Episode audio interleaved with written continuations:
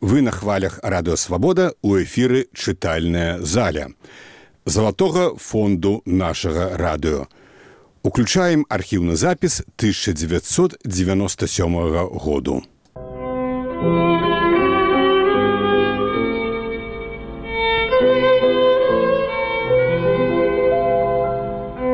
Андрэй Мрый.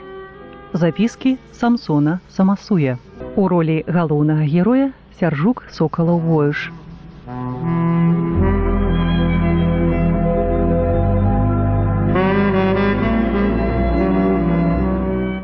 Вечарам у той дзень быў урачысты сход усіх прафсаюзаў. Я няўхільна працягваў палітыку заваёвы сэрца краіны. Сход быў у клубе пры нардоме. Клуб быў цесны.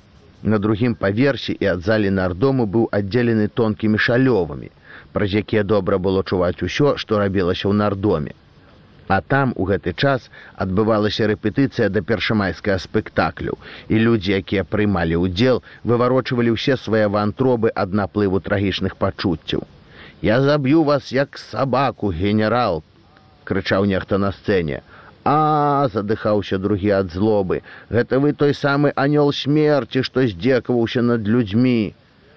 На ўзвышшы ў клубе стаяў засланы чырванню стол і вакол яго вельмі нізкія лавы. У прэзідыум вызначылі сем асоб. Крэйна высунула і маю кандыдатуру. Я зрабіў ёй пагрозу пальцам, але з прыемнасцю пайшоў і сеў. У прэзідыум абралі яшчэ жанчыну доктара, але яна адгаварвалася. У мяне на мястэчку цяжкія нарадзіны і кажную хвіліну мяне могуць паклікаць. Тады пойдзеце, не згаджаўся сакратар райкому. Не, не і не, змагалася доктарша. Я лепш тут, каля дзвярэй сяду.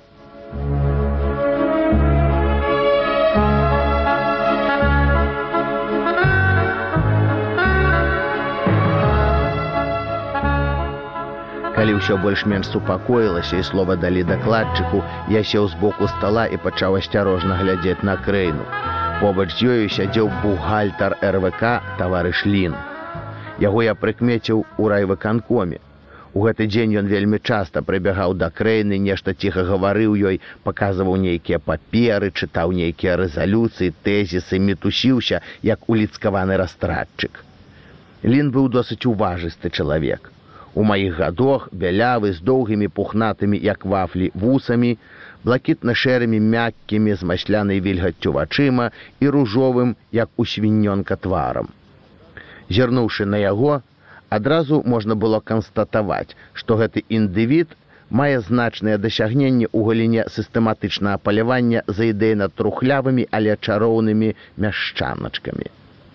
Мяне моцна разанула па сэрцы, калі я пераканаўся, што лін і прозвішча як у суку леплена, зусім не слухае дакладу, а шчыльна, як вуш абкруціўся каля крэйны і мілосна нешта напявае ёй о кваліфікаваная падла.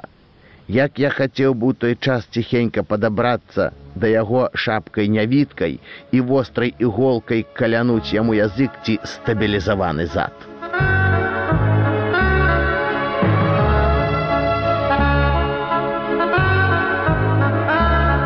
Пасля дакладу былі запытанні.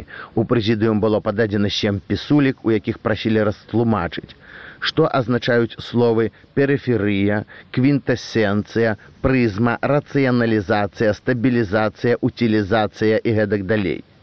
Пасля афіцыйнай часткі абвесцілі перапынак, чакалі канцэрту. Крэйна выйшла з нардому. Я паспяшаўся за ёю, бо хацелася хутчэй намацаць глебу для больш інтымных спраў. Але дзяўчына, выйшаўшы з нардому, як вадою разлілася.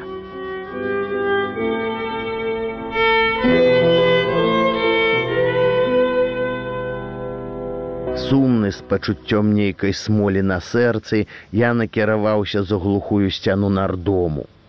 Тамака было цямрава, і толькі троху далей высоўваўся змрочны сілуэт сінагогі. За ёю сылэт другой сінагогі і трэцяй.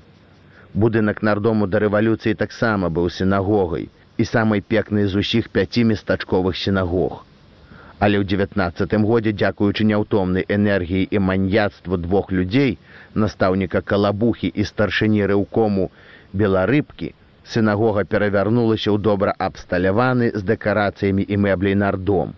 Мне гаварылі яшчэ, як будавалі гэты нардом. Калі выканком зачыніў сінагогу і пачаў шукаць людзей, каб перарабіць я на нардом, дык ніхто з цісляроў не пайшоў на працу, ні яўрэі, ні хрысціяне і будавалі ўсё настаўнік калабуха і старшыня беларыбка. З імі яшчэ працаваў адзін чалавек, ды ён быў зусім глухі. І вось адзін раз настаўнік калабуха убіваў цвік у самы кумпал сінагогі. Прыладзіў драбіны і пачаў моцна бухаць па цвіку, але драбіны пахіснуліся. Настаўнік затрымаўся на ўбітым цвіку і павіснуў на сцяне, а драбіны ўніз паляцелі. Ён закрычаў, але ніхто не чуў. З ім працаваў і той глухі дзед, якому ўсё роўна было, ёсць Бог ці няма. І ён не чуў крыку ратуйце. А з вуліцы ніхто не прыйшоў, хоць кажуць і чулі ўсё гэта. Толькі выпадкова дзед узняў вочы ўверх і ўбачыў, што трэба ратаваць. Цяпер часта апавядаюць гэтую гісторыю. Я стаяў у змроку каля сцяны нардому і разбіраўся ў сваіх думках. Было ціха, ніхто сюды не заглядаў.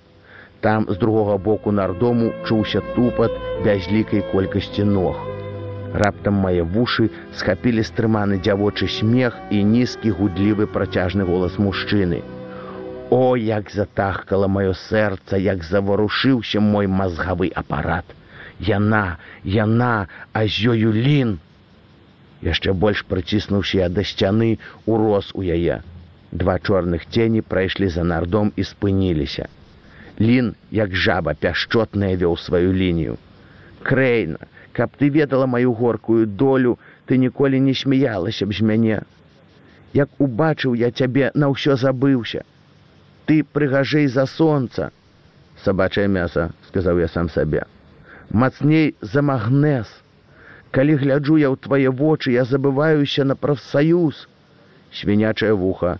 Сёння ж гаварыў мы шапялёўскі пралетарыят павінны паказаць профдысцыпліну.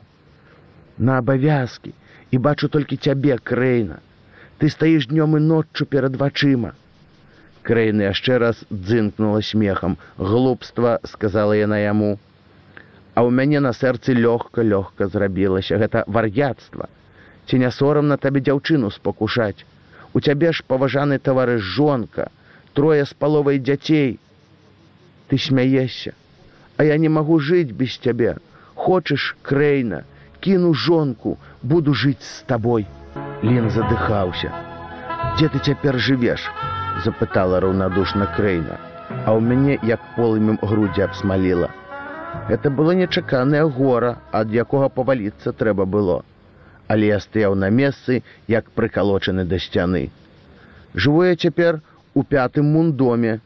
ведаеш там каля барака сказаў лін і ў яго голасе мне пачулася перамога. Што ж пойдзем пагляджу дзе ты жывеш просто сказала яна. Лін радасна і ціха засмяяўся і смех яго быў як у акулы імперыялізму.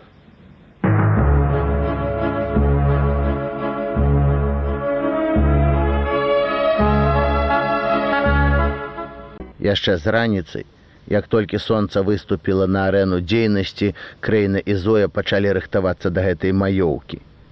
Яны не пайшлі на маніфестацыю бо ад шкуліка атрымалі дырэктывы пячы усялякія і адпавядаючыя сур'ёзнаму моманту канфітуры смажыць цялячыя зады і набываць для такой плоймы неабходныя прылады для знішчэння ежы і пітва. А я ў прафсаюзных шэрагах пайшоў на пляц волі Па загаду начміла ўсе профсаюзы, арганізаваныя грамадзяне і школы выраўніліся ў карэ.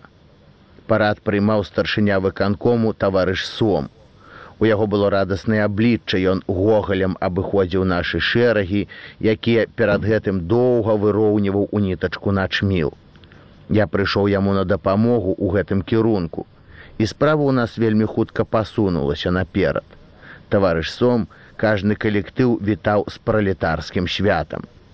Потым адбыўся мітынг. Я выступіў з прывітальнай прамовай. Для свайго першага дэбюту ў шапялёўцы я апрануў белую шаўковую з шырокімі адваротамі кашулю і замест гальштука завязаў шырокім бантам чырвоную шаўковую істужку. Я ўпэўнены, што ўсе заглядаліся на гэты нечувана вялізны, крывава прыгожы бліскучы бан. Мяне гэта ўзнасіла на невядомую вышыню і я з захапленнем вітаў усіх. Грудзі шырока ўздымаліся, думкі шпарка варушыліся ў галаве. Цэлы вадаспад слоў моцных, запальных ліўся сам сабой. На вялікі жаль мне далі толькі пяць хвілін. Ці ж можна было укласться ў гэты нікчэмны тэрмін? І я забыўшыся на ўсё разышоўся на ўсю моц. Я страціў успрыманне часу і мяне прымушаны былі спыніць паслаўшы піянера з папярэджаннем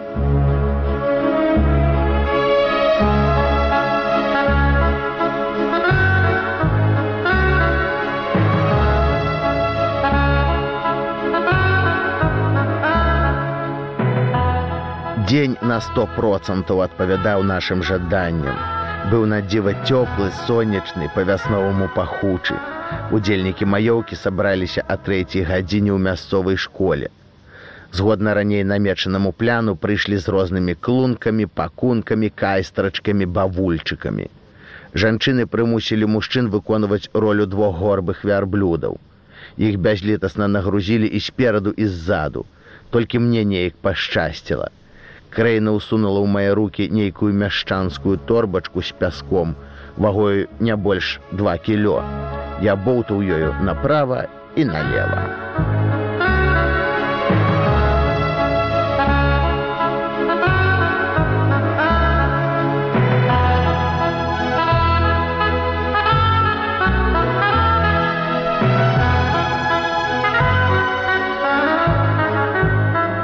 Бясспрэчна шпацыроўка выклікала ў нашым арганізме буйнае развіццё апетыту. Вочы ўсіх аўтаматычна накіраваліся на клункі з ежай.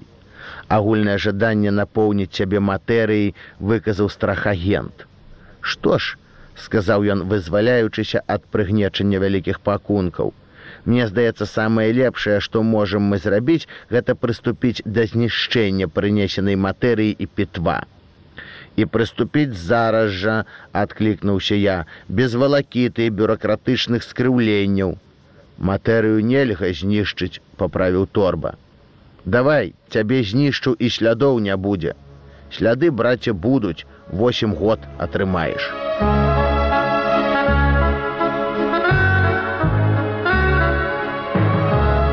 Жанчыны разаслалі вялікія белыя посцілкі і ў адно імгненне вока маляўніча экспанавалі ўсю матэрыю. Толькі хлеб і булкі не былі нарэзаны. Гэту працу даручылі смятанне і торбе.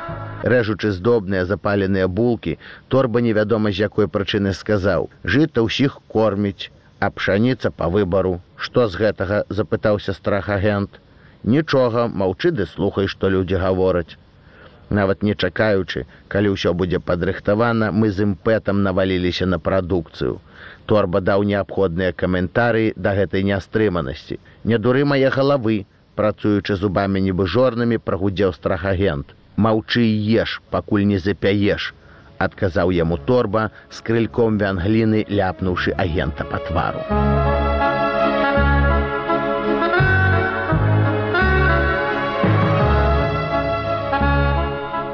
Мужчыны шмат пілі гарэлкі і моцнай густой, як сырок цягучай настойкі, замацаванай гарэлкай. Дзве-тры шклянкі апошняй дзіўны настрой выклікалі ў мяне. У сваіх мускулах я заўважыў нейкую тэхнічную адсталасць. З'явілася нестрыманае жаданне прыхіліцца да пляча крэйны. Захацелася як жывёліна глядзець у яе бяздонныя вочы, узяць яе мікраскопныя рукі ў свае і гладзіць дзяўчыну як курачку на тапурачку. Хацелася спяваць ёй гімны, упрыгожыць яе чало ружамі, ускінуць ёй на плечы шаўковыя тканіны і замацаваць уладу над ёю моцнымі пякучымі пацалонкамі.